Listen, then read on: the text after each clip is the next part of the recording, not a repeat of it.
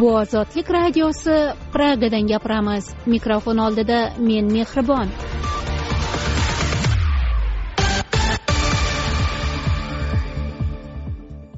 Bugun dasturimizda o'zbekiston xalq shoiri omon matchon yetmish yetti yoshida vafot etdi.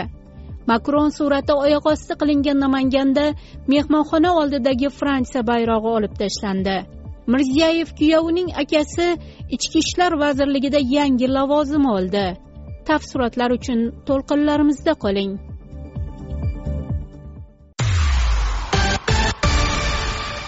Ozodlikda xabarlar. Assalomu alaykum. Efirda yangiliklar bilan ahmad umar. Payshanbaga o'tar kechasi olamdan o'tgan o'zbekiston xalq shoiri omon matjon yigirma to'qqizinchi oktyabr kuni tushdan keyin toshkentning yangiobod mavzesida joylashgan qabristonga dafn qilindi. Ma'lumotlarga ko'ra omon matjon so'nggi paytlarda hukumat kasalxonasida o'pka yallig'lanishidan davolanayotgan bo'lgan. Shoirning farzandlari ozodlik bilan suhbatda unga ikki tomonlama pnevmoniya tashxisi qo'yilganini tasdiqlashdi.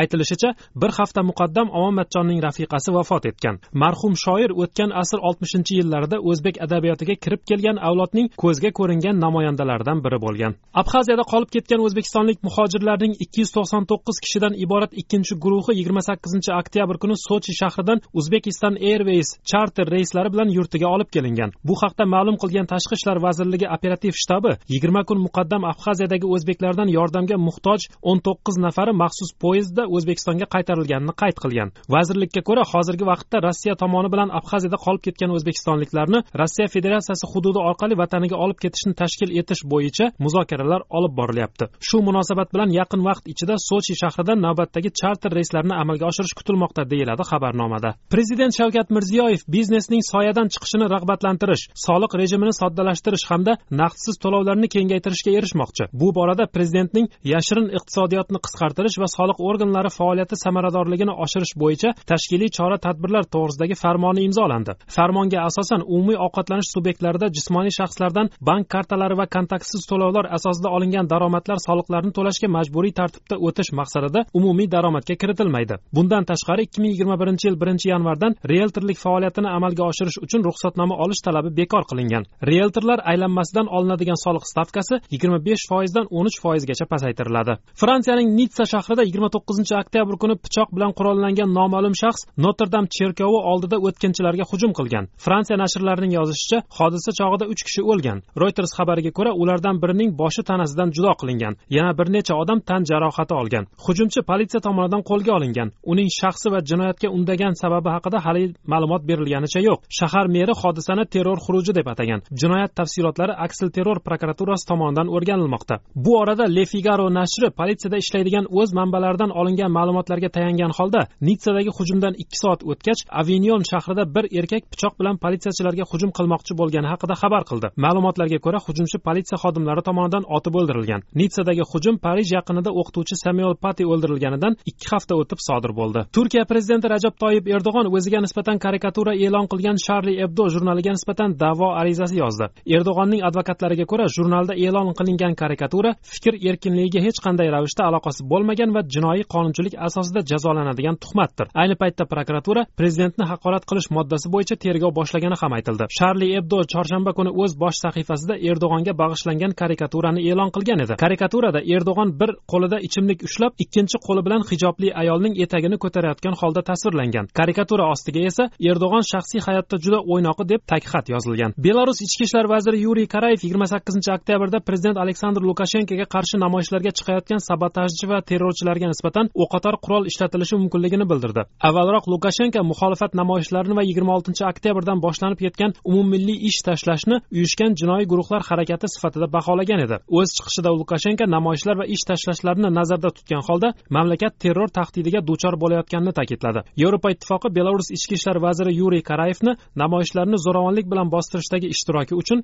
sanksiyalar joriy etilgan amaldorlar ro'yxatiga kiritgan edi. Turkmanistonda koronavirusning tarqalishi ortidan vaziyat og'irlashib borayotgani xabar qilindi. Birinchi noyabrdan mamlakatda karantin cheklovlari kuchaytirilishi mumkinligi to'g'risidagi xabarlar ham vaziyatni murakkablashtirmoqda. Xabarlar bilan tanishdingiz boshqa yangiliklar ozodlik org saytida. Ozodlik radiosi. Taniqli shaxslar.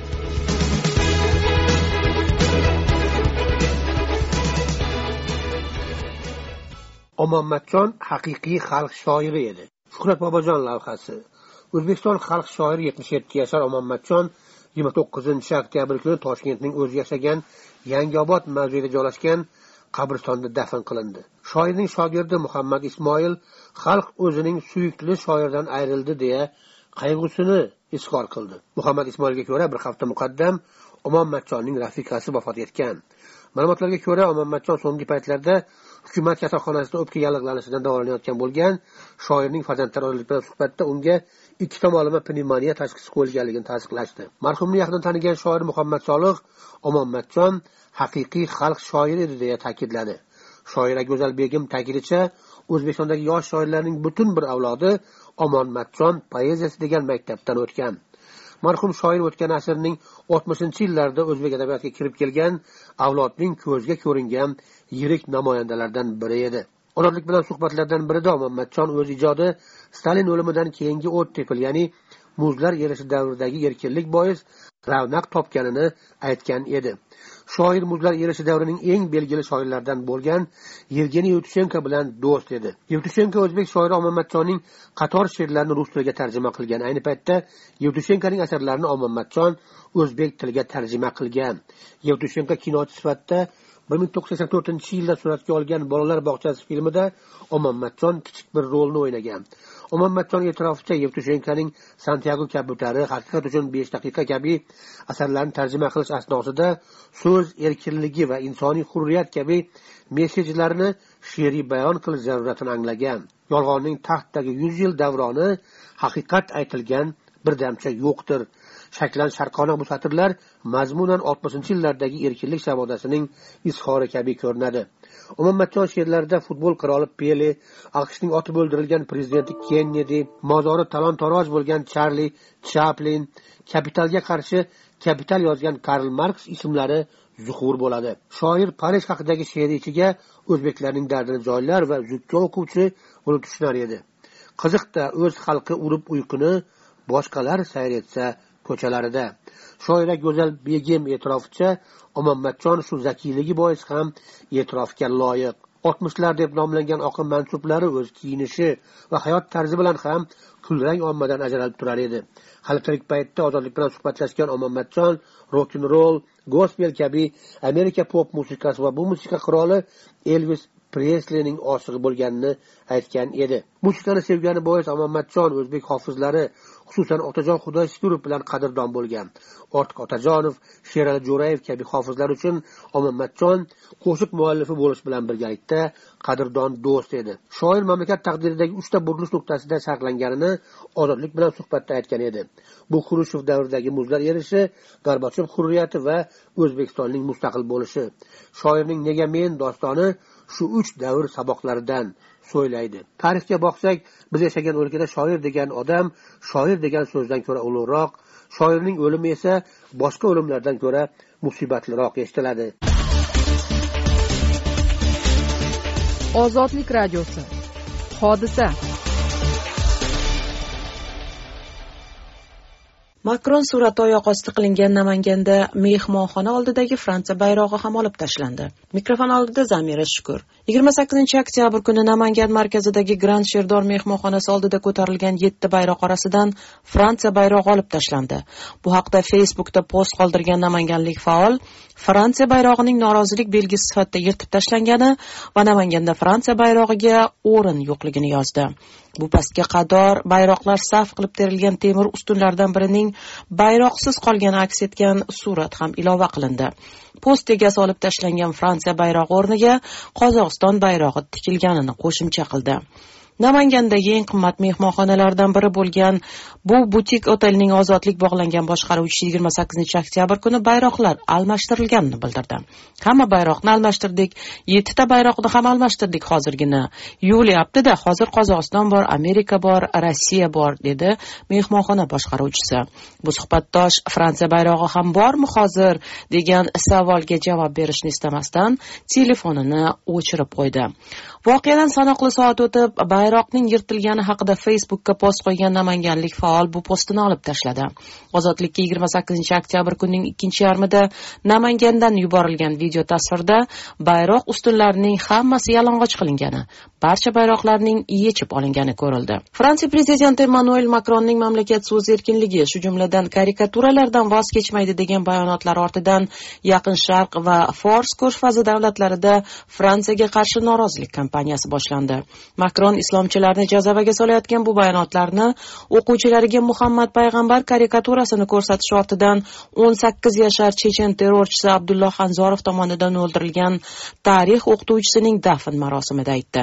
Makronning siyosiy islom islomchilar haqidagi bayonoti siyosatchilar xususan turkiya prezidenti rajab toyib erdo'g'on tomonidan islomga qarshi haqorat sifatida talqin qilinishi ortidan asosan yaqin sharqdagi ayrim mamlakatlarda fransuz mahsulotlarini boykot qilish boshlandi. Hukumatlari g'arb bilan ziddiyatli munosabatda bo'lgan davlatlarda fransiya bayrog'ini yoqish holatlari kuzatildi. G'arbga qarshi nafrat ritorikasi xususan payg'ambar sha'nini himoya qilish uchun terrorga da'vat etuvchi chaqiriqlar ijtimoiy tarmoqlardagi o'zbek kanallarida ochiqcha yayinlanishi ortidan o'zbek segmentida fransiya uning dunyoviylik tamoyillariga qarshi hozirgacha misli ko'rilmagan g'azab kampaniyasi boshlandi. O'zbekiston ichkarisida faoliyat yuritayotgan ayrim diniy faollar bu kampaniyani or va nomus masalasi deb atab o'zbekistonlik dindorlarni unga qo'shilishga da'vat qildi. Bunday chaqiriqlar ortidan namanganlik muhammad ikrom ismli shaxsning fransiya prezidenti makron va rafiqasi suratlarini oyoq osti qilayotgani videosi tarqadi. O'z mashinasining oyoq qo'yadigan joyiga makronlar suratini to'shab uni toptagan shaxs boshqalarni ham o'z safiga qo'shilishga chorladi.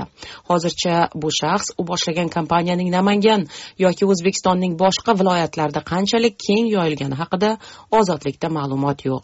Namangan viloyat hokimligi viloyat va shahar ichki ishlar boshqarmasi rasmiylari fransiya davlat ramzlariga qarshi boshlangan bu kampaniyadan bexabarliklarini bildirdi. Ma'muriy javobgarlik to'g'risidagi o'zbekiston kodeksida o'zbekiston yoki qoraqalpog'iston respublikasining davlat ramzlari to'g'risidagi qonun hujjatlarini buzish uchun jarima belgilangan. Bu jazoning xorijiy davlat ramzlarini oyoq osti qilish uchun tatbiq etilish etilmasligi haqida hozircha aniq ma'lumot yo'q. Ozodlik radiosi. Taniqli shaxslar.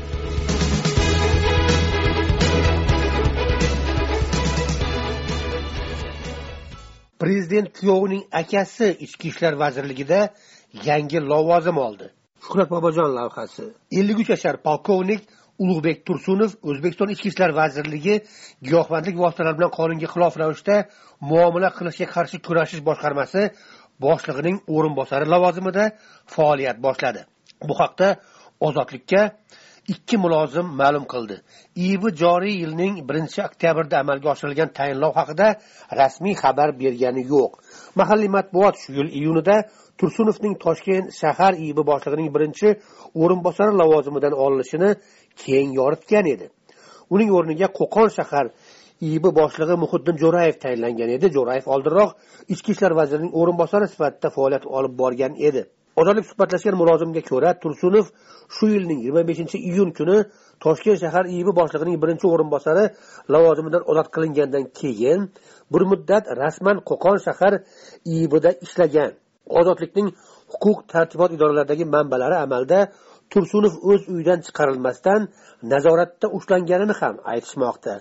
Jurnalist aleksey valasevich aziya tera nashrida chop qilingan maqolasida yozishicha prezidentning to'ng'ich kuyovi oybek tursunovning akasi polkovnik ulug'bek tursunovning lavozimdan bo'shatilishiga birinchi oiladagi mojarolar va prezidentning ikki kuyovi o'rtasidagi jiddiy raqobat sabab bo'lgan. Unga ko'ra tursunov militsiya tomonidan saxtalashtirilgan fohishaxonalarni fosh qilish natijasida musodara etilgan mol mulklarning o'zlashtirilishiga doir yuzlab mojaro markazida qolgan.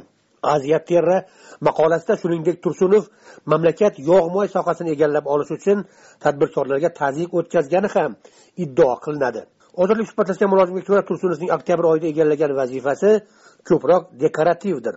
Hozir u boshliq o'rinbosari vazirlikdagi lavozim bo'lsa ham shahar ibi boshlig'ida bo'lgan qudrat va imkoniyatlar yo'q. Menga ma'lum bo'lishicha tursunovning o'zi hozirgi lavozimida jiddiy nazorat ostida bo'ladi. Bu deklarativ lavozimni o'ziga xos surgun desa ham bo'ladi dedi mulozim. Polkovnik ulug'bek tursunov o'zbekiston prezidenti shavkat mirziyoyevning kuyovi oybek tursunovning akasidir. Aka ukalarning otasi sssr dxq sobiq zobiti botir tursunov o'zbekiston davlat xavfsizligi xizmati rahbarining o'rinbosari lavozimida ishlaydi. O'zbekistonning birinchi prezidenti islom karimov davrida jasorat medali bilan mukofotlangan tursunov ikki ming o'n yettinchi yil aprel oyidan yigirmanchi yilning iyunigacha toshkent shahar iib boshlig'ining birinchi o'rinbosari sifatida faoliyat yuritgan. Ozodlikni tinglayapsiz dasturimiz davomida. Xalq ta'limi vazirligi o'qituvchilarning majburiy mehnati taqiqlanganini eslatdi ammo u davom etmoqda. Xususiylashtirishning yangi bosqichi va eski muammolar. Turkolog olim andrey kubatin vafot etdi. Rossiya tergov qo'mitasi o'zbekistonlik er xotinning qullikda ushlab turilganini tekshirmoqda. Tafsilotlar uchun to'lqinlarimizda qoling. Ozodlik radiosi. Taniqli shaxslar.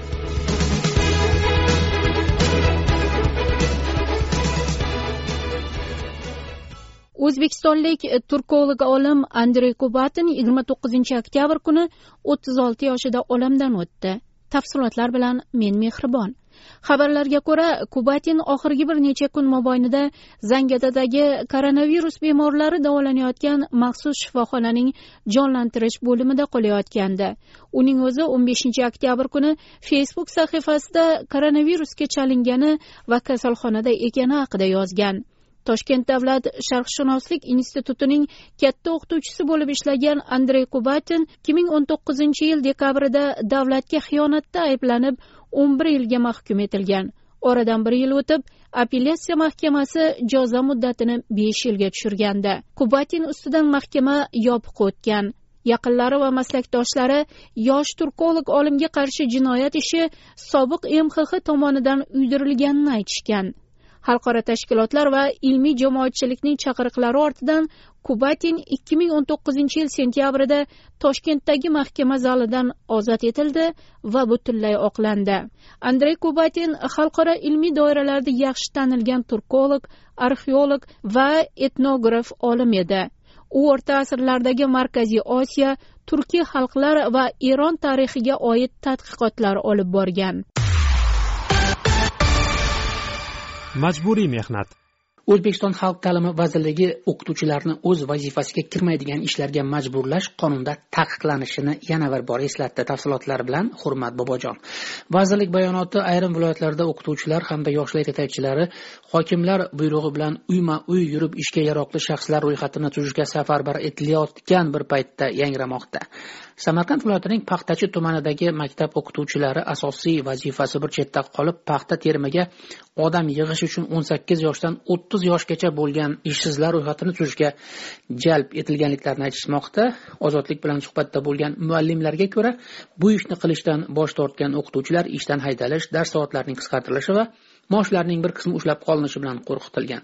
Namangan viloyatining kosonsoy hamda buxoro viloyatining qorako'l tumanilik muallimlar ham uyma uy yurib ma'lumot to'plashga majburlanayotganliklari haqida ozodlikka aytishgan. O'qituvchilar ularga uylarga kirib to'ldirish uchun berilgan anketa nusxasini ham ozodlikka taqdim etishdi. Namanganlik o'qituvchilar jo'natgan anketa nusxasida uni to'ldiruvchi shaxsning ismi sharifi manzili tug'ilgan joyi pasport yoki metrika raqami ro'yxatga olinganligi qayerda ishlashi qayerda o'qishi sinfi nogironligiga oid ma'lumotlar so'ralgan. O'qituvchilarning bu jarayonga qay asosda jalb etilgani haqida izoh olish uchun samarqand va buxoro viloyatlari hokimligi va xalq ta'limi bo'limi rasmiylariga bog'lanib bo'lmadi. O'zbekiston xalq ta'limi vazirligi matbuot xizmati mulozimi ozodlik bilan suhbatda muallimlarni o'z vazifasiga kirmaydigan ishlarga majburlash nafaqat taqiqlanishi balki majburlovchilar jazoga tortilishini ham eslatdi. O'zbekiston prezidentining ikki yil avval qabul qilgan o'ttiz to'qqiz nol yetti raqamli qarori bor. Hali u qarorni hech kim bekor qilgani emas.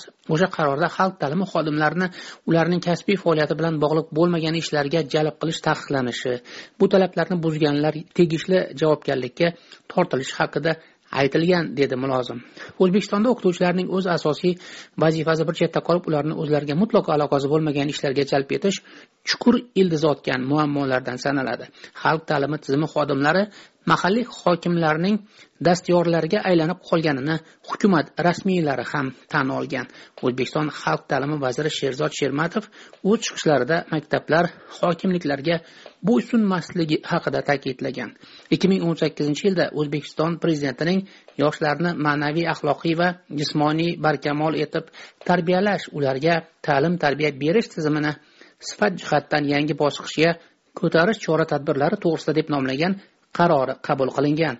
Qarorning o'n oltinchi bandida ta'lim va sog'liqni saqlash sohalari xodimlarini majburiy jamoat ishlariga bevosita yoki bilvosita jalb qilgan mansabdor shaxslarga nisbatan qat'iy choralar ko'rilishi aytilgan. Ammo o'tgan vaqt mobaynida majburiy mehnatning ayni ko'rinishi bilan bog'liq vaziyat o'zgarishsiz qolmoqda.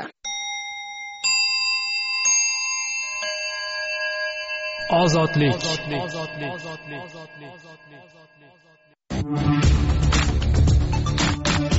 o'zbekiston ozod ta'sir. Ozodlik maqolasidan so'ng chet ellik investor fuqarolarga tuxum ortildi. Shuhrat bobojon lavhasi. Yigirma oltinchi oktyabr kuni ozodlikka bog'langan afg'onistonlik investor abdulrazzoq tuxum ortilgan fuqarolar hayraton ko'prigidan o'tib manzilga eson omon yetganligini bildirdi. Sizlar yozgan maqoladan keyin xorazm viloyat bojxona xodimlari tuxum otishga ruxsat berdi.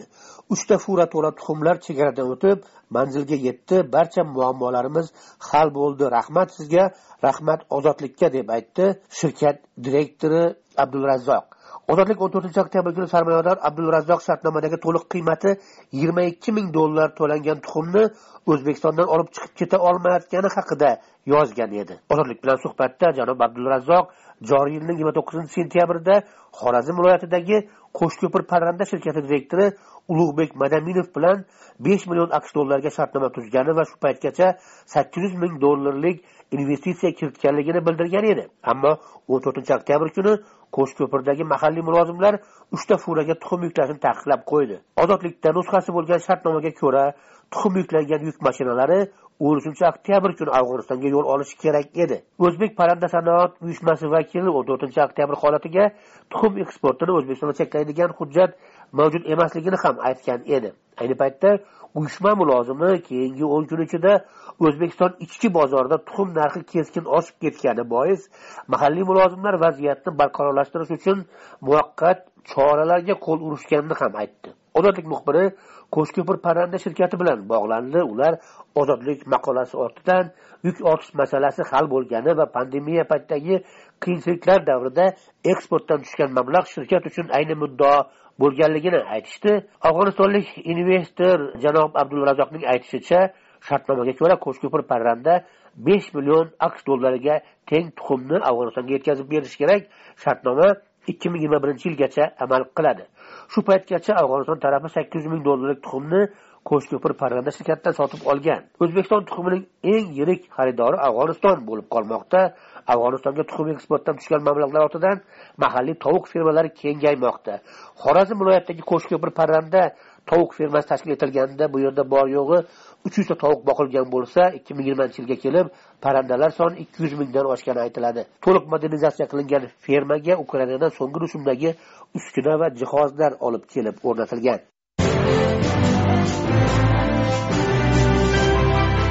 O'zbekiston xorijdagi vatandoshlar. Rossiya tergov qo'mitasi yoqutistonda o'zbekistonlik er xotinning qullikda ushlab turilgani borasida internetda paydo bo'lgan xabarlar yuzasidan tekshiruv boshlagan.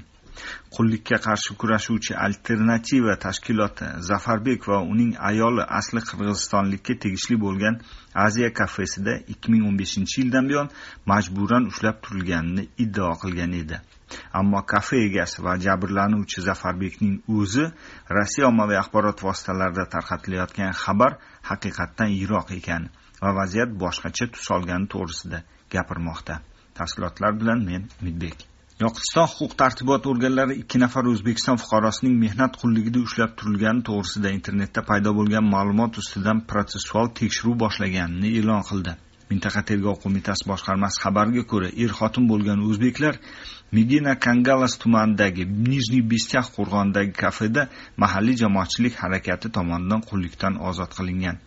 Xabar qilinishicha er xotindan hujjatlar tortib olingan ular kaltaklangan kafe binosidan tashqariga chiqarilmagan.